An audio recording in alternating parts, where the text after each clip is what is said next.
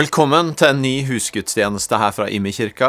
Enten du ser dette med din huskirke, med et annet fellesskap, eller du sitter hjemme, så er så glad for at du kobler deg på, og at når vi ikke kan møtes fysisk, at du allikevel velger å være med og koble på det som skjer ut ifra menigheten vår. Ehm, denne uka så har vi faktisk hatt eh, digital samling for våre huskirkeledere og teama til huskirkene. Og eh, vært fantastisk å se ledere for omkring 40 huskirker samles og få et glimt av hva de har gjort, og hva de har fått bety for hverandre i denne veldig annerledes tida som vi har bak oss. For oss som kirke så har det vært helt avgjørende å ha huskirkene og lederne for huskirkene til å samle oss som folk og som menighet når det har vært så lange perioder hvor vi ikke har kunnet bruke de store samlingspunktene. Eh, og En av de tingene som var inspirerende å høre, var at også i denne tida så har mange av huskirkene hatt et fokus på å bety noe for andre. På det vi ofte snakker om i Imi-kirka som godhet. Små ting gjort i kjærlighet forandrer verden, bruker vi å si. Flott å høre hvordan de har levd i huskirkene i denne tida. Og eh, denne uka, når vi delte vitnesbyrd i staben vår i menigheten, så fikk jeg også høre flere andre sånne små drypp av at selv de små tinga kan bety en viktig forskjell. Ei fortalte om hvordan hun hadde bare kjent at hun skulle stoppe opp og snakke med et menneske hun møtte, og de hadde blitt stående og prate ei stund. Og når de gikk, så hadde eh, den hun stoppa opp for, sagt Tusen takk for at du stoppa opp for meg. Og så kunne han bare fornemme hvordan betydninga av det å velge å gi noen minutter av sin tid fikk bety en forskjell for et annet menneske.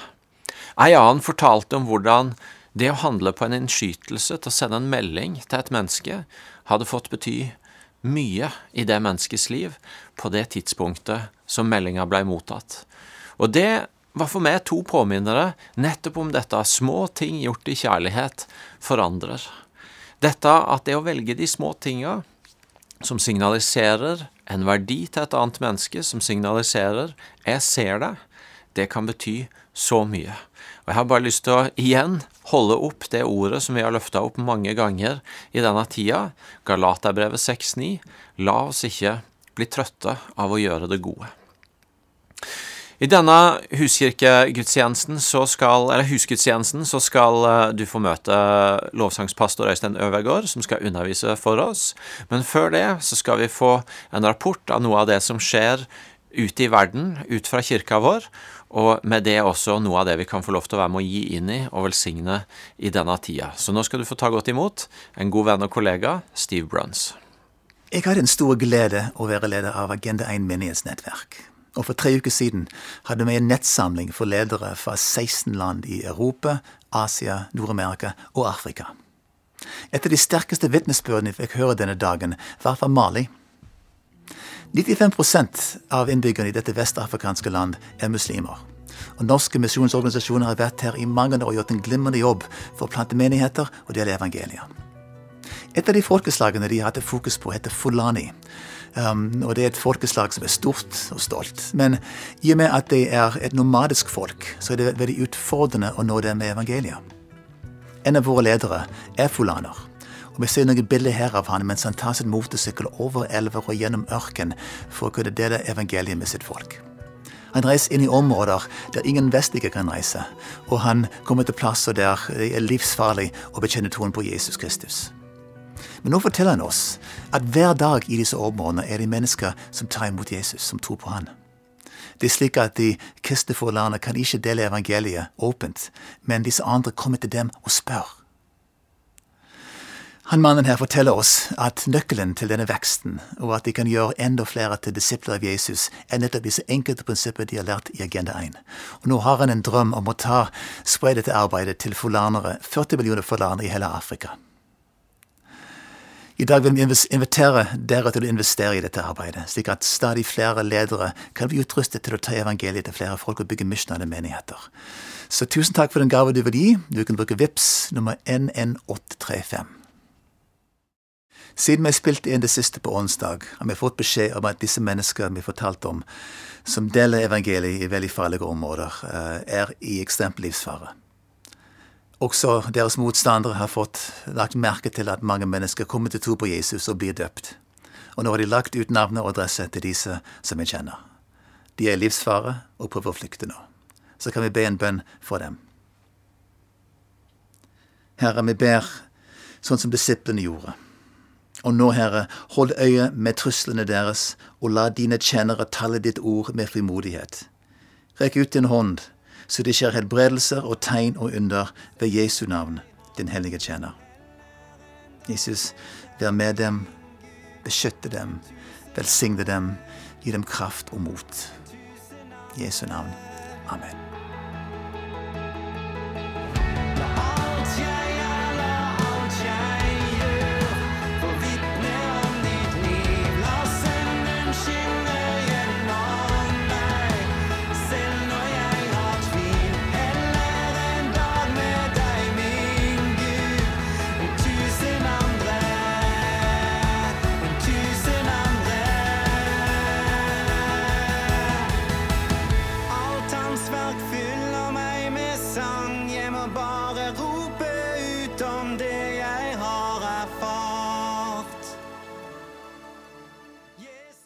Hei og hallo.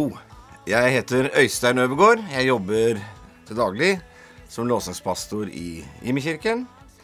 Um, og de siste par ukene så har um, Har det noe som har betydd mye for meg, som Gud ga meg et bilde for et par uker siden som har gjort noe med måten jeg tenker på. Og det vil jeg dele med dere i dag. Jeg tar utgangspunkt i teksten i Efeserne 1, 4-6 og jeg leser. I Kristus utvalgte han oss før verdens grunnvoll ble lagt, til å stå for hans ansikt, hellige og uten feil. I kjærlighet og etter sin gode vilje avgjorde han på forhånd at vi skulle få rett til å være hans barn ved Jesus Kristus, til lov og pris for hans herlighet og nåde, som han overøste oss med i ham som han elsker så høyt. Tenk at i Kristus så er vi uten feil. Det er ganske rått. Jeg har lyst til å snakke i dag om åssen ser det ut når vi ser gjennom korset. Jeg har tatt med meg et kors her. Åssen ser det ut når jeg lærer meg å se gjennom korset? Se på fortida mi. Se på her og nå. Og fremtiden min gjennom korset. For Paulus sier ikke bare at vi er uten feil, men han topper det hele i Kolosserne, hvor han sier at Jesus tilga oss alle våre misgjerninger. Gjeldsbrevet mot oss slettet han, det som var skrevet med lovbud. Han tok det bort fra oss da han naglet det til korset. Så det som ligger bak, det har Gud tatt hånd om. Og her og nå så gjelder også korset. Det er ikke bare for det som var, men det gjelder også i dag. I Mika 7 vers 8 så står det:" Gled deg ikke over meg, min fiende, for om jeg faller, skal jeg reise meg igjen. Sitter jeg i mørket, er Herren mitt lys. Der jeg ikke strekker til, så er Herren mitt lys i dag. Nåde er at Gud ser meg som hellig og feilfri, på tross av. Mellom meg og Gud så er det et kors hvor min synd og skam blir filtra bort. Så når Gud ser på meg, så ser han et fint, blankt kors. Og hvis du kan se det, så er det veldig lite fint og blankt på baksida. Jeg ser det, men Gud har tatt hånd om det. Åssen er det da med fremtiden min? Jeremia 29, 11 sier, For jeg vet hvilke tanker jeg har med dere, sier Herren, fredstanker og ikke ulykkestanker jeg vil gi dere framtid og håp. Når Gud ser på deg gjennom korset, så ser han framtid og håp. Han ser muligheter. Så er det jo veldig bra at Gud ser på oss gjennom korset, men det viktigste for meg å snakke om i dag blir at vi har den kjente frasen 'What would Jesus do?' Når Gud ser på oss, så skal vi også få lov å lære oss og se gjennom korset. På framtida vår, på her og nå og på fortida vår. Så du vet, litt seinere i Efeserne 1 så sier Paulus at vi er satt i himmelen med Kristus. Hvorfor er vi det? Jo, så vi skal lære å se som Gud ser. Vi skal få se på oss selv, andre rundt oss og omstendighetene våre gjennom korset. Hvis vi da snakker om fortiden, så sier Romerne 8.1 at det er ingen fordømmelse. Ja, vi vet at det er mye som kunne vært annerledes i fortida vår. Det er mange ting vi skammer oss over som vi tenker burde vært annerledes. Men hva hvis vi kan se på for fortida vår og heller se etter gullet i de kampene du har kjempet deg gjennom? At gårsdagens nederlag fort kan legge grunnlaget for morgendagens seire. Hvis vi ender opp i fordømmelse, eller kanskje sitter fast i bitterhet mot andre, så blir det som ugress som tar mer og mer plass. Ser vi gjennom korset, hvordan ser det ut da? Jo, du er hellig og feilfri. Identiteten din er ikke lenger bagasjen din. Men som Paulus sier i 2. Korinterbrev 5.: Nei, den som er i Kristus, er en ny skapning. Det gamle er borte, se det nye er blitt til. Så når Gud ser på meg og fortida mi og ser en ny skapning, så skal jeg få lære meg mer og mer å se på meg selv som en ny skapning. Hva med her og nå, da? Jo, du er rett ferdig gjort. Det er rett, det er ferdig, og det er gjort. Evangeliet betyr de gode nyhetene. For et fundament. Men jeg har spart en godbit. Eh, for å se gjennom korset betyr mer. Det er ikke bare sånn at når Gud ser på meg, så fjernes det synd skam og utilstrekkelighet. Nei, det legges noe til. Når Gud ser deg, så ser han også Jesus. For han ser gjennom korset. Du er ikke bare skjult i Kristus, men han har tatt bolig i deg. Der du er, der er Gud. Seinere i Feseren 1 så sier Paulus at den samme kraft som oppreiste Jesus fra de døde, bor i oss. For et fundament for et frimodig liv med forventning. Men vet du, dette hjelper oss ikke så mye hvis vi ikke lærer oss å se gjennom korset, sånn at dette blir oss. Derfor ber Paulus videre i Efesen 1. Jeg ber om at vår Herre Jesu Kristi Gud, herlighetens Far, må la dere få en ånd som gir visdom og åpenbaring, så dere lærer Gud å kjenne. Må Han gi dere lys til hjertene deres, så dere får innsikt i det håp Han har kalt dere til. Hvor rik og herlig Hans arv er for de hellige, og hvor overveldende Hans kraft er hos oss som tror. Så når du lærer deg å se gjennom korset, så blir du en kristen som ser Jesus med alt han representerer, med deg overalt i møte med deg selv, andre og omstendighetene. Og hva med ditt forhold til andre, da? Hvis jeg ser på andre gjennom korset, hvordan ser det ut? Det ser i hvert fall ikke ut som Jesus beskriver det i Lukas. Lukas 6, 42. Hvordan kan du si til din bror La meg ta flisen ut av øyet ditt, når du ikke ser bjelken i ditt eget øye. Din hykler, ta først bjelken ut av ditt eget øye, da vil du se klart nok til å ta flisen ut av øyet til din bror. Kanskje vi ikke skal bruke så mye tid på å se etter fliser og bjelker, men heller se på andre gjennom korset. Hvis alle er like verdifulle i Guds øyne, og Gud behandler alle likt, hvilke holdninger blir frukten av å se gjennom korset da? Se etter gullet mer enn grumset. Sett ord på det gode du ser i folk. Vær en kulturbygger på dette området. Og så er det framtiden, da. Eh, hvordan ser jeg på framtiden min gjennom korset?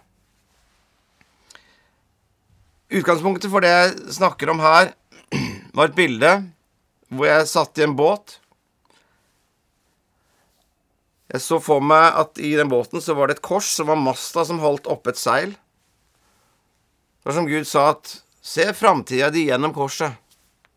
Og seilet, det er Det er for å ta imot vinden fra Den hellige ånd, som gir retning og framdrift. For meg så har jeg hatt et år hvor det handla mye om å hente seg inn og eh, vært sliten, og heldigvis har jeg kommet gjennom på det. Men åssen ser framtiden ut? Det er mange grunner til at folk kan bekymre seg for det. Men hvordan ser den ut når vi ser framtida gjennom korset? Du vet at en kan se på hva en mangler i møte med framtida. Men Jesus har lagt ferdiglagte gjerninger foran oss for at vi skal gå inn i de. Og hvis vi lærer oss å se gjennom korset, og se som Jesus, så tror jeg vi våger. Og så har jeg lyst til å si jeg ber Gud om at vi har lært oss å se gjennom korset, sånn at vi kan si følgende Jeg bygger fremtiden på fundamentet som Gud allerede har gjort, og står på fjellet som heter Guds trofasthet og nåde, mens jeg trygg og frimodig går framtiden i møte fordi jeg ser som Gud ser. Gjennom korset har jeg frimodighet, forventning og tro. Jeg vet at Gud liker meg. Han elsker meg. Og jeg skal få se på han og det han representerer, som en del av hvem jeg er, og hva jeg kan gjøre. Når vi lærer oss å se gjennom korset, så blir vår identitet i Kristus mer og mer synlig. Vi blir faktisk mer og mer lik Jesus. Og Da har jeg lyst til å ha to spørsmål som jeg vil du skal tenke litt på. Og det er På hvilke områder trenger du å enda mer se gjennom korset? Det er spørsmål én. Det kan ha med forholdet ditt til framtida di her og nå, eller framtiden din. Og spørsmål nummer to er hvilke nye vaner kan du bestemme deg for å innarbeide som hjelper deg å enda mer se gjennom korset. Vi må ta noen valg, fordi at å se gjennom korset er noe vi må velge hvis det skal få betydning, og at vi skal ta ut potensialet i hva det betyr i våre liv. Guds fred. Tusen takk skal du ha, Øystein, for det du deler med oss, og for at du retter fokuset vårt rett inn mot det sentrale, korset, og hva det har å si for oss, og hvordan det kan bety en forskjell i vårt liv og vår hverdag. Med dette så er denne ukes husgudstjeneste ferdig. Vi er tilbake neste søndag. Eh, I mellomtida så ønsker jeg deg ei velsigna uke, og har lyst til å avslutte med å lyse Herrens velsignelse. Må Herren velsigne deg og bevare deg. Må Herren la sitt ansikt lyse over deg og være deg nådig. Må Herren løfte sitt åsyn på deg og gi deg fred. Amen.